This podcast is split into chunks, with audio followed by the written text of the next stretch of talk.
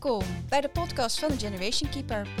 Ik ben Annemarijn en ik zit hier met mijn collega's. Femke. En Ilse? En in deze podcast hebben we het over tegenstrijdigheden in de zorg. Elke aflevering behandelen we een bepaald thema en bespreken we een tegenstrijdigheid. Leuk dat je luistert.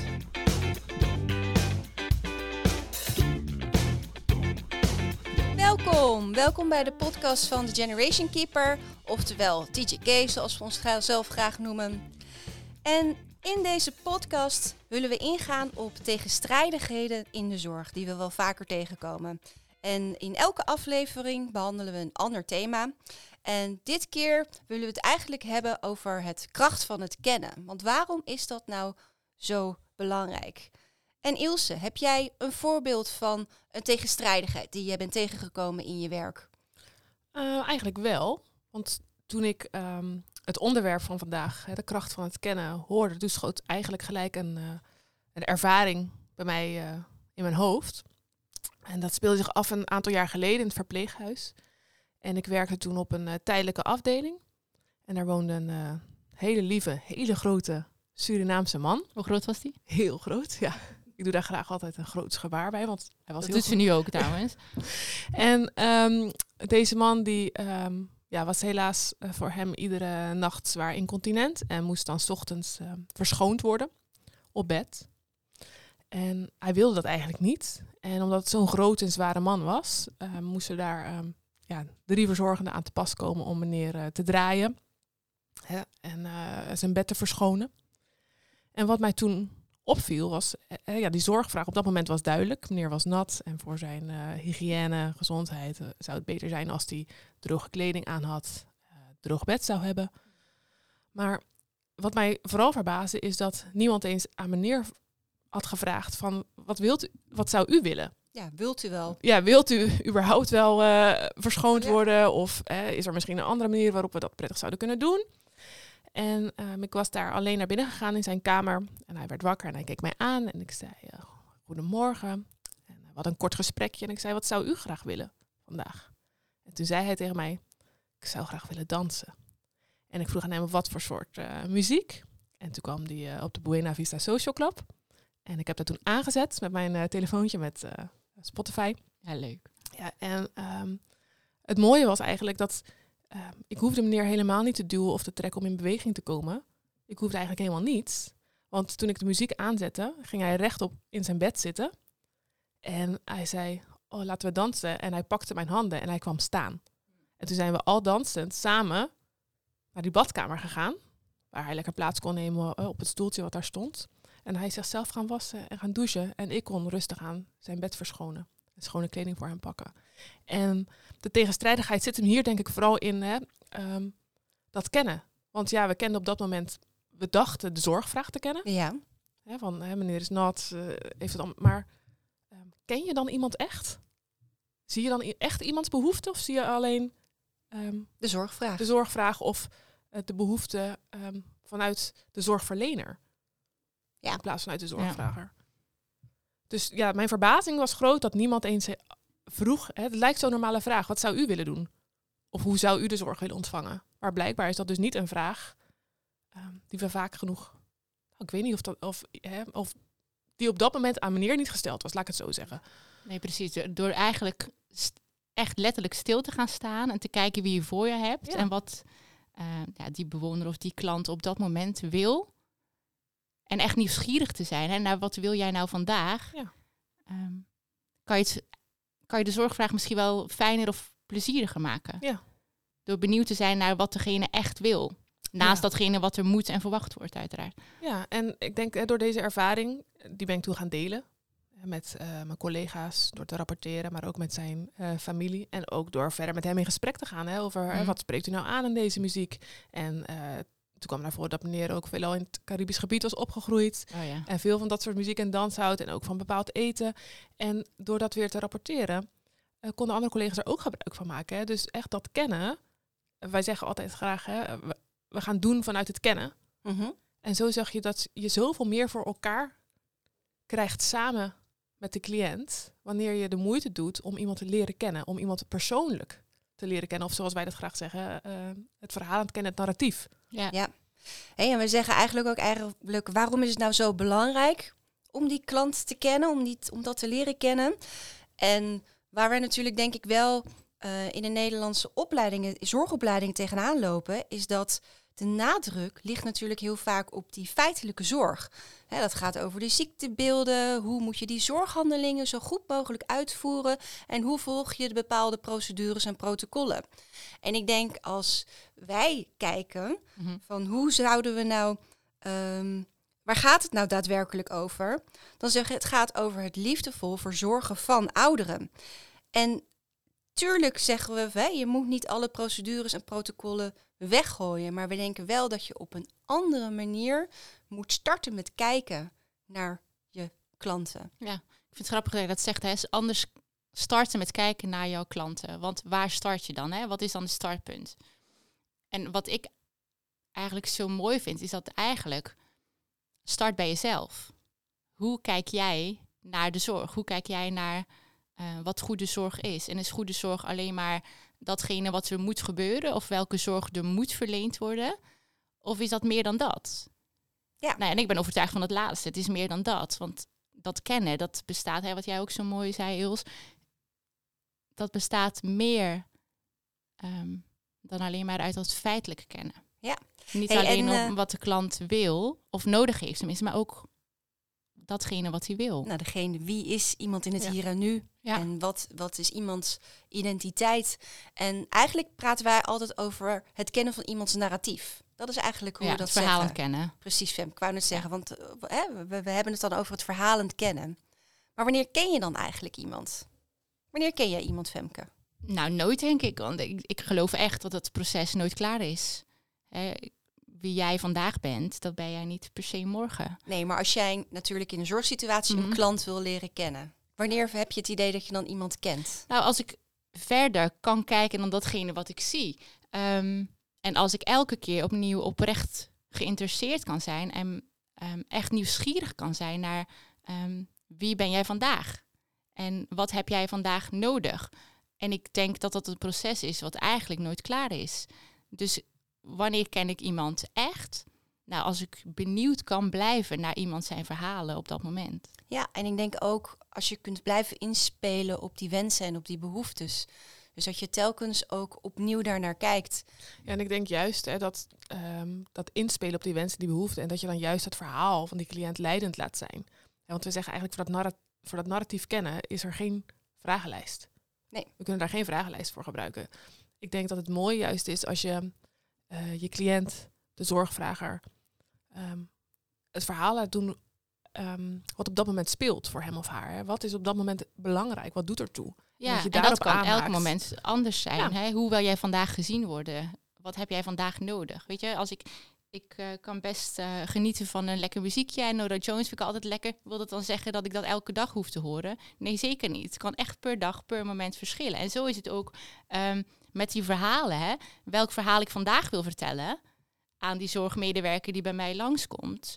Dat is niet per se het verhaal wat ik morgen ook wil vertellen. Want morgen wil ik het alleen maar over mijn kleinkinderen hebben. Terwijl ik vandaag, nou, um, het helemaal niet wil over hebben. Want gisteren um, waren ze niet te genieten. Hè? Het kan echt per moment um, wisselend zijn. En ik denk dat het echt start bij onszelf. Ja, want dat, dat wij benieuwd moeten blijven um, naar wie die ander per moment is. Ja, dat vind ik wel interessant wat je zegt. Hè? Het start bij jezelf. En ik denk dat dat heel belangrijk ja, dat klinkt misschien een beetje zweverig, maar het is denk ik wel heel belangrijk op zo'n moment, moment om even in te checken bij jezelf. Hè. Um, ja, hoe sta ik erbij? Weet je, want als ik oprecht geïnteresseerd ben, dan staat de ander ook veel sneller open om ehm, zijn of haar verhaal te vertellen. Als dat je het uit een soort moeten doet, hè? Wat ik altijd een heel mooi voorbeeld vind is, um, want hè, jullie hebben ook natuurlijk heel lang in verpleeghuizen gewerkt. En als we daar binnenkomen, dan zeggen eigenlijk heel veel uh, zorgmedewerkers, ja, maar wij kennen onze cliënten. En als ik dan een dossier uit de kast pak en ik lees dat, dan zou ik eigenlijk een woonkamer binnen moeten komen en zou ik moeten kunnen zien wie dan die persoon is. Maar dat haal ik niet uit zo'n dossier. Eigenlijk zie ik daar alleen maar, ja, wat zie ik daarop staan? De behandeling, feitelijke kennis. En veel meer ook over de zorgvraag. Wat is iemand zijn diagnose? Nou, wat mankeert iemand allemaal? Maar ik kan daar niet uithalen. Hè, mijn mevrouw draagt graag fleurige kleren, want eh, hij is eh, vroeger. En eh, dat is zo zonde. ja, Want die verhalen, hè, dat mevrouw fleurige kleren, dat ze daarvan houdt, dat kan er echt voor zorgen dat die zorg als plezieriger wordt ervaren. Hè, stel, jij kan daar rekening mee houden in dat, ehm, in dat ADL-moment, dat je mevrouw hè, uiteindelijk fleurige kleren aandoet. Ja. Nou, zal ze veel meer zin hebben in dat ADL-moment, Ja. omdat het fijner gemaakt kan worden.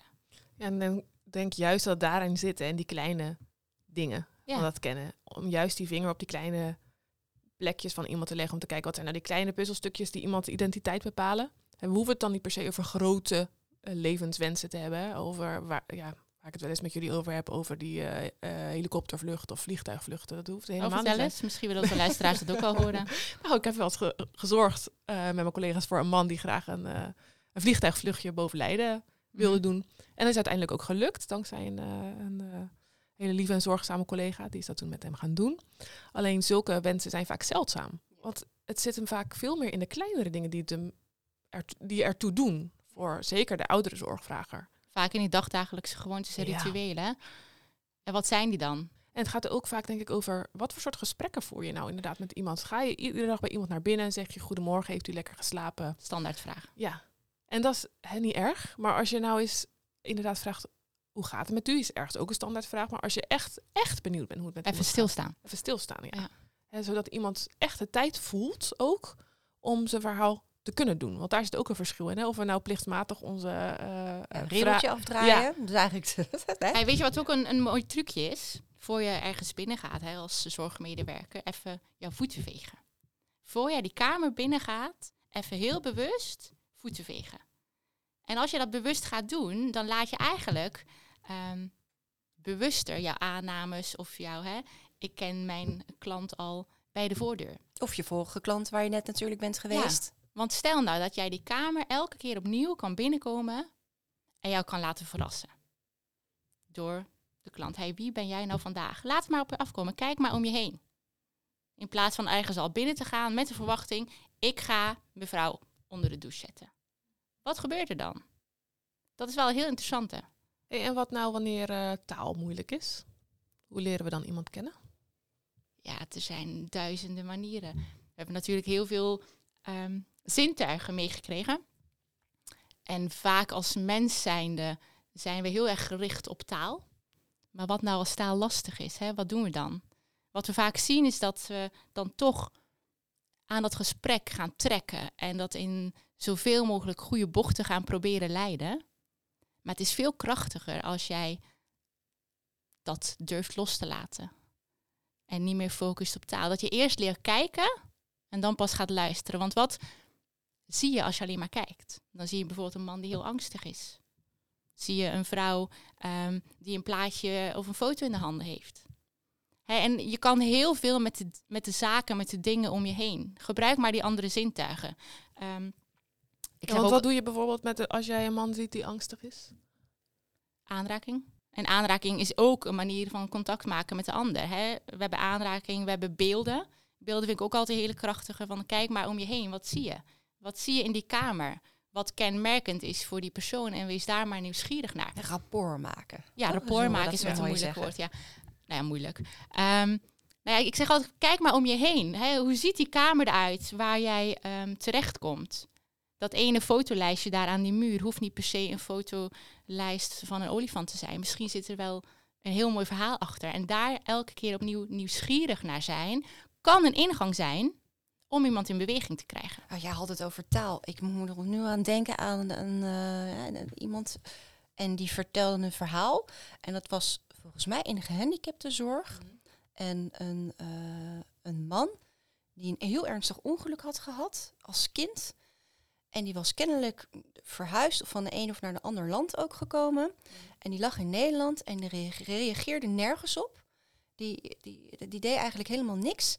En zij had een keer avonddienst of nachtdienst. En ze had een Engelse vriend. En toen was ze in het Engels gaan praten met die vriend door die telefoon. En toen ineens ging die reageren. Oh ja. Dus hij bleek gewoon als kind opgegroeid te zijn geweest in Engeland en was die hele Nederlandse taal kwijt geweest. Mm. En reageerde dus op dat Engels. Daar zijn ze jaren later pas Ah. achter gekomen. Dat is toch bizar? Ja. Oh, en dat bedoel ik nou met eerst kijken. Ja. Want je ziet zoveel signalen. Die meneer reageert ineens op die Engelse taal.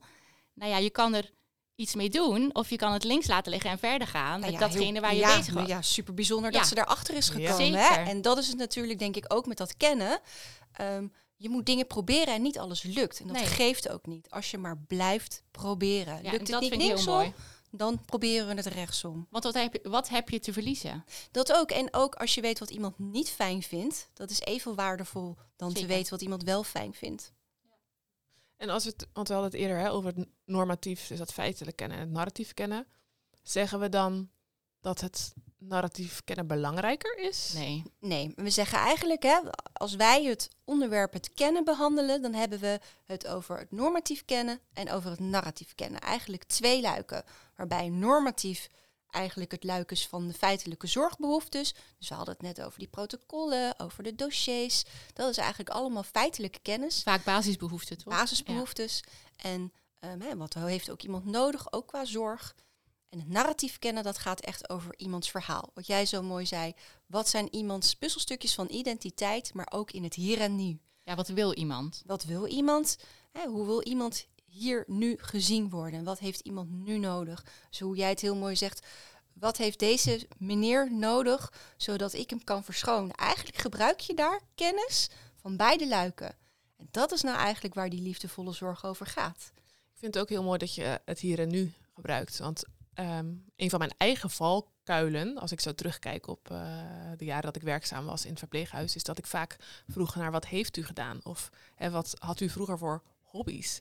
En eigenlijk geef je dan denk ik een soort onbewust het signaal af dat het leven voor nu er niet meer toe doet. Ja. Terwijl er is nog zoveel leefplezier toe te voegen. ehm, hè, als je het hebt in de ouderenzorg, zeker nog in die laatste levensjaren, die kun je nog zo mooi maken als je meer stilstaat bij het hier en nu. En niet alleen maar eh, stilstaat bij wat heeft iemand gedaan, bereikt. Nee, er is heel veel waardevols, ook vanuit die kleine dingen, als je daarnaar Ja. durft te kijken, toe te voegen. Nee, precies dat. Hè. Het is elk moment opnieuw nieuwsgierig zijn. Elke keer opnieuw die voeten vegen. En het hier en nu gaan kijken van, goh, wie wil jij zijn en hoe wil jij gezien worden? Ik moet ook denken aan een verhaal. Ik heb ooit een, eh, een, een man begeleid en die vertelde elke keer opnieuw het verhaal dat hij een beroemde pianist was. En uiteindelijk kwamen we erachter dat dat helemaal niet waar was. Maar dat maakte niet uit. Want die man die ja. wilde zo gezien en gehoord worden. En dat hielp ons om het voor hem plezieriger te maken. Want het is niet niks hè, dat ouder worden of ineens zorg nodig hebben. Het is hartstikke ingewikkeld. Hè, en wat kan jij dan doen als zorgkundige, als zorgmedewerker om het fijner te maken voor diegene? Ja, we zijn Nou, niet en op dat zoek zit naar in die waarheid. Nee, precies. En dat zit in die verhalen. Ja.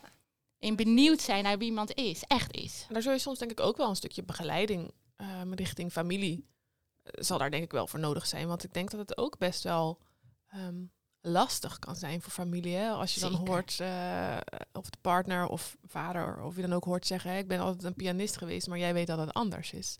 Hè, dat ehm, ja, die begeleiding in het leren dat ehm, als je het echt hebt over leefplezier, dat het er dan niet om gaat om wat die waarheid is. En dat je dat dan ook niet van tafel Nee, moet vegen. En dat is denk ik ook nog best wel moeilijk, hè? heel ingewikkeld. Heel Ja, want je neemt iemand zoals jij kent, je partner of je vader, hè, zoals je die je leven lang kent. Iemand profileert zich dan nu ineens heel anders. Ja. Ja. En ik denk ook in de begeleiding dat leefplezier, hè, dat grote woord hoe wij dat nu noemen, dat dat iets anders betekent voor iemand die 80 is en misschien wel dementerend is, dan voor iemand die 18 is of voor iemand die 40 is. Het zijn allemaal verschillende fases in je leven waarbij je andere dingen leuk vindt. Als ik kijk wat ik tien jaar Ja, geleden deed, vragen. superleuk. De wereld rondreizen en weet ik veel wat allemaal. Maar ja, dat is nu eh, niet meer aan de orde. Nee, ja, en dat is precies wat we net zeiden. Per moment. Dat het blijft gewoon de start. Het verandert. Ja, Leefplezier zelfs per dag. verandert. En Weet je wat ik ook zo mooi vind? Jij zegt, hè, vergeet ook niet die betekenisvolle anderen mee te nemen daarin. Want voor hun is het ook wel wat als iets als waarheid wordt gezien. En dat is niet per definitie zo. Ik vergelijk het altijd heel graag met de ijsberg. Ik denk, ja, elk mens heeft zijn eigen ijsberg. Ook die betekenisvolle anderen. Kun En je dat ook eens uitleggen hoe dat zit met die ijsberg? graag. Heel Femke en de ijsberg. Hier gaan we. Nee, het is- maar als je zo naar de wereld kan kijken, het helpt echt. Hè, iedereen heeft zijn eigen ijsberg. En net als bij de Titanic, we zien alleen het puntje. Maar onder het wateroppervlak... Zien we ook niet meer van Nee. de Titanic. Van de Titanic niet, maar van de ijsberg wel. Maar als we verder gaan kijken en de moeite doen om verder te gaan kijken onder het wateroppervlak, zien we eigenlijk dat die ijsberg nog een hele massa eronder heeft onder het water. En bij mensen is het niet anders. Weet je, als ik naar jou kijk, ehm, zie ik Anne eh, vrolijk, eh, positief, enthousiasme. Maar wil dat zeggen dat het altijd zo is? Zeker. Nee, dat is niet waar. Hey, maar wees bereid om verder te kijken dan datgene wat je ziet. Zeker. Dus dat is onder dat wateroppervlak. Juist, kijken. want daar zitten onze overtuigingen, zitten ehm, ja, misschien wel aangeleerd gedrag, zitten onze aannames, eh, hoe we zijn opgevoed, onze eigen waarden, onze eigen normen, et cetera. En wat onder die ijsberg zit, bepaalt heel erg wat we laten zien.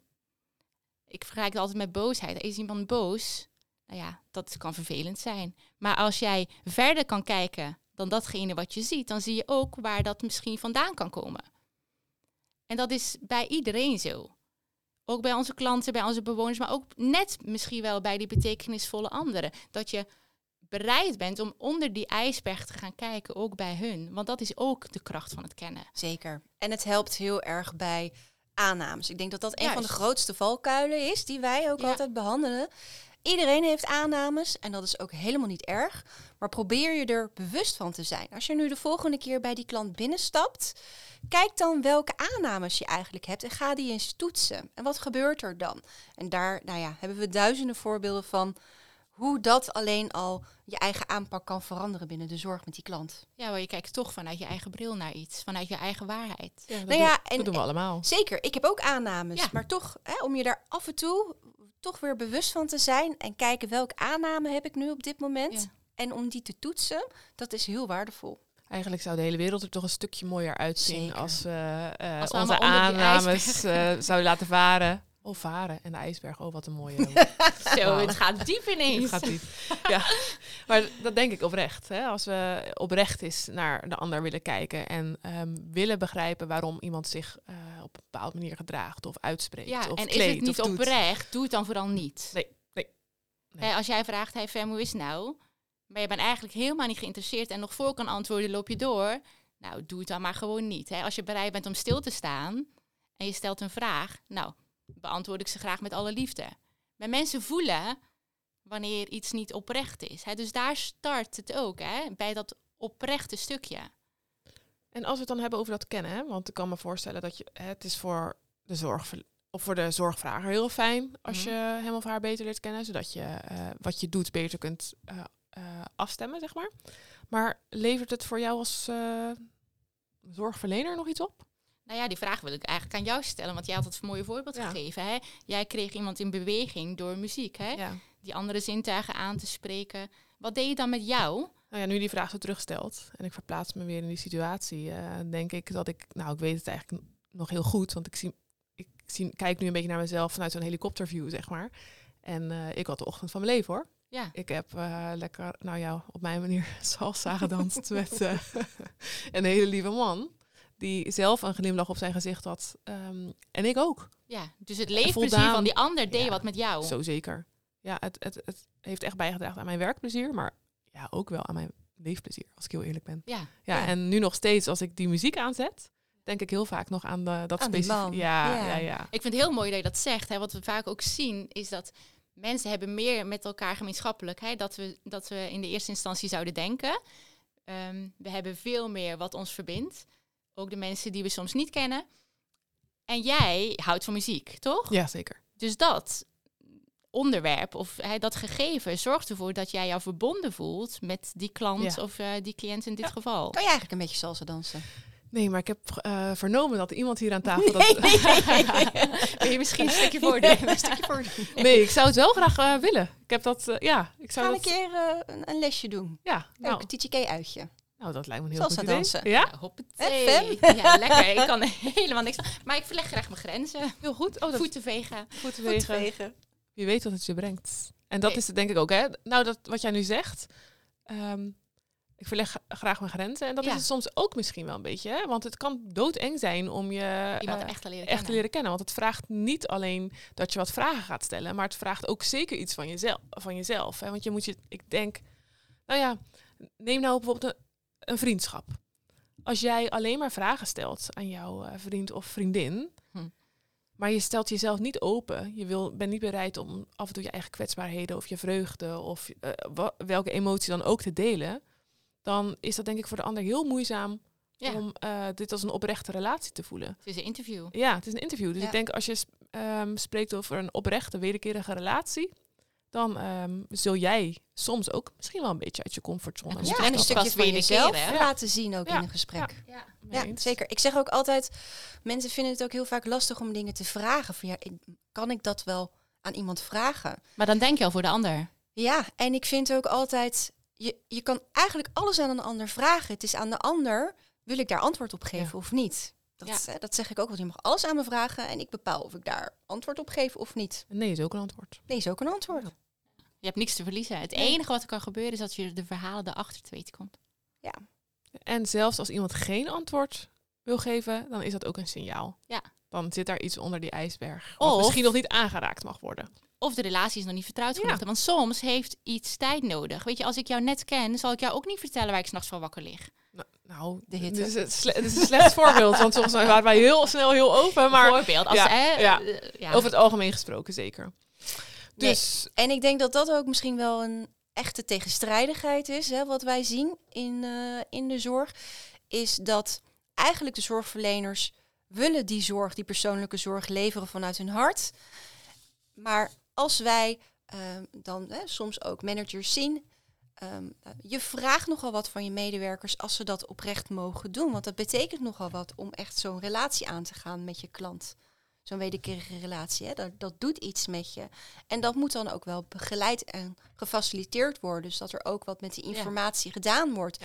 Dus dat die dossiers persoonlijker worden. Dat de MDO-gesprekken, dat dat veel meer gaat over... Wat, wat heeft iemand nu de afgelopen maanden plezier gebracht? In Mm. plaats, dit was niet goed, dit ging niet goed. En ja, de hè, lichamelijke de lichamelijke, ongemakken. eh, Ja. dat soort zaken. Maar ook dat wat er niet goed ging, of wat je ingewikkeld vond in die verhalen, is he- heel waardevol, hè? Zeker, maar moet niet bij zo'n MDO de focus hebben op ehm, de, lich- hè, wa- wat is er in de afgelopen zes maanden aan lichamelijke ongemak, wat heeft zich daar gespeeld? Want er is veel meer, ehm, Daar begint vaak een MDO Ja. mee. gelukkig niet overal. Gelukkig niet over. Misschien zijn- is dat ook wel leuk om even mee te geven aan de luisteraars. Hè? Dat we even zeggen van, goh, als je binnenkort nog een keer een overleg hebt over een bewoner klant, sta dan ook even stil bij die verhalen van iemand. Ja. Hè? Begin Wie weet bij wat een- het brengt. Begin met een leuke ervaring. Juist. Begin je overdracht met iets wat je heeft geraakt. Wat heeft je nu vandaag geraakt? Of wat heb je is In je het kennen. opgevallen? Ja. In dat kennen. Ja, leuk. Dus als we het nu hebben over tegenstrijdigheden in de zorg, en dan zeker met de kracht van het kennen, hè, Wat kunnen we dan stellen? Ehm, wat we kunnen stellen is dat het verhalend kennen, dus dat narratief, er minstens, dat durf ik toch wel te zeggen, er minstens net zo toe doet als het eh, normatief feitelijk kennen. Maar dat ze allebei nodig zijn ehm, om goede zorg te kunnen leveren. En ik denk, ehm, Ik denk dat het zelfs misschien nog wel waardevoller is. ja, daarom zei ik minstens. Ja. Ja. Zeker omdat het het fijner kan maken voor de ander. Het kan Ja. de zorg plezieriger maken. Ja. Door het kennen van die Maar verhalen. we doen ook allerlei handelingen die helemaal niet nodig zijn voor al die mensen. Nee, eens. Ik bedoel, we zitten allemaal te overzorgen. Wat hebben die mensen nou nog nodig? Nou, Nee. liefdevolle zorg vanuit het hart. Ja, Simpeler kan het niet. Ja. Maar dat is denk ik ook wel een van de tegenstrijdigheden. Want ik denk, ehm, als ik kijk naar mijn eigen zorgopleiding, wat wel even geleden is. Maar toen was die zeker niet ge- gefocust op het eh, narratief. Nee. Maar echt heel erg op het eh, normatief. Ja, want daar ik- ben je op afgerekend. Ja, en je bent heel erg bezig met die behandeling. Ja. Van, hè, dus vanuit welke overtuiging was ik heel lang bezig? Dat ik iemand de juiste behandeling moest geven vanuit het zorgplan. Hm, Maar als dat zorgplan niet is gebaseerd op wat jouw klant of bewoner wil, juist. dan zit je eigenlijk al in een soort... Vind ik wel een mooie definitie. Dus dat wat begint eigenlijk al bij de intake. Hè? Ja, Ja. Dat gaat eigenlijk al mis bij de intake. Ja. Dus de vraag die eigenlijk moet gesteld worden is... wat heeft mijn klant of bewoner nodig aan zorg? En wat wil die? Ja. Ja. Hè, wat je eigenlijk dan doet, is die beide luiken op elkaar afstemmen. juist. Nou, tadaa! En het, en het ook niet alleen maar hebben over wat wil die in de zorg, maar ook wat wil iemand überhaupt. Ja. Dus hè, die zorg daar ook in eigenlijk secundair plaatsen. Ja. Zeker voor het gevoel van die klant. Ja. Mooi. Yes. Voor onze volgende podcast denk ik dat we ook wel heel erg benieuwd zijn of onze luisteraars ehm, ervaring hebben met Oh ja, eh, te- leuk. tegenstrijdigheden in de zorg. Ja. En ehm, is het een idee om ze te vragen of ze hun ervaringen eh, met tegenstrijdigheden willen Nou, delen op onze socials? Hartstikke leuk. Yes, dus bij deze, lieve luistera- luisteraars, als jullie ehm, iets hebben ervaren waarvan je denkt, nou, dit is echt een tegenstrijdigheid in de zorg, ehm, ja, wees welkom om het te delen op onze. ik ben ik echt heel nieuwsgierig naar. ja? Ja, waar kunnen ze delen? Op onze Instagram-pagina. Ja, Goed idee. Instagram, zeker. Ja, en dat is de Generation Keeper. De Generation Keeper. Yes. Oké. doei!